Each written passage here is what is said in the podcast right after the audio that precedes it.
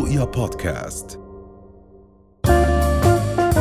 حلقة جديدة من بودكاست دنيا الغذاء. غذائنا مهم لصحتنا وصحة أولادنا. دنيا الغذاء بودكاست من دنيا دنيا. هلا عم نلاقي قد إيه منتشر حمية الكيتو وقديش الكل بيمشي فيها؟ بس في ناس بيعملوها لحالهم. مزبوط. وبتلاقي بيقول لك ما نزلت حدا حكي فاضي. صح. ليه مرات ما okay. بينزلوا؟ هلا شوفي رندا في عوامل عدة نحن بدنا ننتبه عليها لما نحن نتبع حمية الكيتو.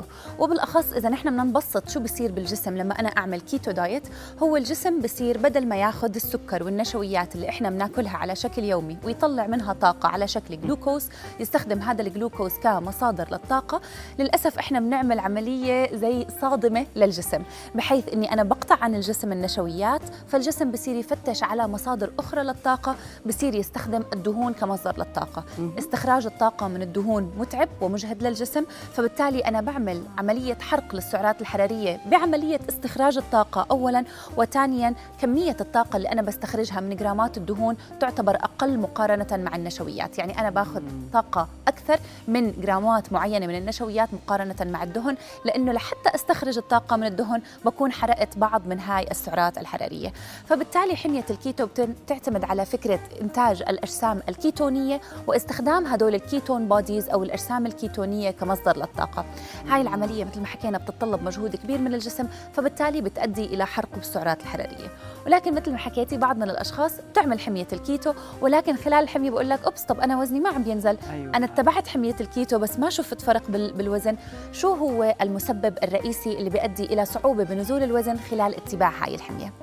أول شيء بدنا نحن نقيم الحالة الصحية تبعت الجسم بالطريقة الصحيحة بحيث إنه صح. آه، آه، ال keto diet بفيد الأشخاص اللي بيعانوا من مقاومة الإنسولين ولكن عند معالجة مقاومة الإنسولين. يعني إذا أنا من الأشخاص اللي بعاني من مقاومة الإنسولين وما بتعالج بأي نوع من الأدوية اللي بحفز الخلايا على استخدام الإنسولين وأخذه من الدم للأسف إذا اتبعت حمية الكيتو ما رح أشوف نتيجة. يعني هو مفيد للمرضى اللي عندهم مشاكل بمقاومة الإنسولين. لما يكونوا بيتعالجوا من هاي المشكلة وهو مش علاج. okay. فهي أول شغلة. النساء اللي بيعانوا من تكيسات في المبايض رح يشوفوا آه، صعوبة في تنزيل الوزن خلال حمية الكيتو. لازم نحن نحل المشكلة وبعدين نتبع هاي الحمية. فأول شيء ال diagnosis الصحيح للجسم. تشخيص. بالضبط التشخيص الصحيح للجسم والحالة الصحية تبعت كل شخص هو اللي بيكون آه، آه، المؤشر الصح إنه أنا بقدر أبلش بحمية الكيتو أو ما بقدر أبلش بحمية الكيتو. فهي أول شغلة على الطبيب أو أخصائي التغذية إنه هو يقدر يشخص بالطريقة الصحيحة وبالتالي يعطي الشخص الب- البرنامج الغذائي الملائم له. رحت أنا آه، أخذت هذا البرنامج من صديقتي وقررت أتبعه آه، وللأسف ما شفت نزول بالوزن. احتمال يكون في عندي أحد الأخطاء الشائعة.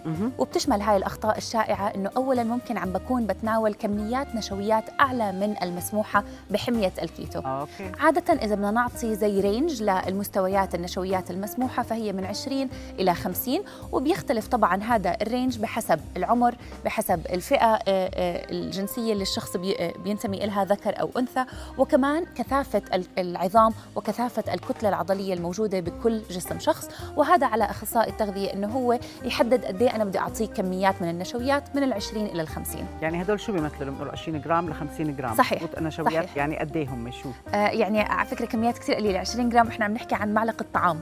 خمس إلى 50 جرام. ولكن إحنا ما بنحكي معلقة طعام رز هي 20 جرام ابدا. هي بعض من الخضروات المسموحة. بالكيتو. تحتوي على نسب معينة من النشويات. مجموع هاي النسب المعينة من النشويات لازم تكون ما بين 20 إلى 50 جرام. فإما إنه أنا ممكن عم باخذ كميات نشويات أعلى من اللي بتليق بجسمي خلال حمية الكيتو. أو في بعض الحالات إنه نحن بنعمل keto diet ولكن بنشوف ارتكازنا بالغذاء بصير على الدهون الغير صحية. أيوة. بنصير نتناول الهوت دوغ واللحوم المعالجة والسمنة والزبدة واللية بكميات كتير كبيرة. هون إحنا ما بنركز على جودة الأطعمة اللي أنا بتناولها. صحيح الكيتو بيساعد على تنزيل الوزن. شريطة إنه أنا أنتبه لجودة الأطعمة اللي أنا عم باخذها من الأسماك الصحية الصحيه من اللحوم الصحية من الدجاج من البروتينات الصحية وكمان من الدهون الصحية لحتى أقدر إني أنزل بالوزن. فالفكرة مش إنه أنا أنزل بوزني وأرفع مستوى الكوليسترول عندي بالجسم وأعمل أمراض لجسمي ما كانت موجودة قبل. الفكرة إنه نحن نستخدم حمية الكيتو كطريقة غذائية علاجية إنه أنا أنزل الوزن ولكن بنفس الوقت إني أقدر أنزل مؤشر الكوليسترول اللي عندي بالجسم الدهون الثلاثية وكمان مستوى الكوليسترول السيء. طيب شو بتعطيهم نصائح لحتى ينزلوا وزن؟ إنه نحن نتبع هاي الخطوات. أول شيء كميات النشويات ننتبه إلها. ثانيا نركز على جودة الأطعمة مش بس فكرة إنه أنا آخذ طعام فيه بروتين ودهون عالية. لا جودة الطعام بتلعب دور أساسي. وثالث شغلة رندا لازم أنتبه لها اللي هو الستريس اللي أنا بتعرض له خلال اتباع هاي الحمية. إذا أنا كان جسمي تحت مستوى ضغط عالي هذا الإشي رح يرفع مستوى الالتهاب وبالتالي رح يرفع مستوى ال C-reactive protein مؤشر الالتهاب عندي بالجسم. وإحنا بنعرف بحالات الالتهاب يصعب على الجسم نزول الوزن بسبب ارتفاع الهرمون الكورتيزون عندي بالجسم. فبالتالي بصير في عندي تضارب. أنا بدي أنزل بالوزن ولكن عندي ارتفاع في مستوى الكورتيزون وال C-reactive protein مؤشر الالتهاب آه. بالجسم اللي رح يعيق تنزيل الوزن وما رح يكون أولوية بالنسبة للجسم إنه هو ينزل الوزن هلأ لا بالنسبة له الأولوية إني أتعامل مع الكورتيزون وال C-reactive protein فبالتالي إذا كنا عم نتعرض لضغوطات عالية يومية مم. هذا للأسف رح يعيق نزول الوزن وفي طرق معينة أتعامل مع هاي الضغوطات إما عبر المكملات الغذائية مثل الاشواغندا اللي بتساعد على استرخاء الجسم أو عبر طبعا آه، الرياضة اللي بتساعد على الاسترخاء. أخيرا الرياضة بتلعب دور أساسي فلازم نمارس الرياضة خلال حمية الكيتو وما ننسى دور النوم لما يقل عن سبع ساعات لحتى الجسم يقدر ينزل بالوزن. يعني بتعرفي قديش الواحد بلاقي إنه هي عوامل يعني عديدة مش بس خلص يلا ناكل رز وخبز وبتصير مش هيك الوضع أبداً يعني فجدا أبداً. دقيق. شكرا رند الديسي أخصائية التغذية العلاجية. رؤيا بودكاست.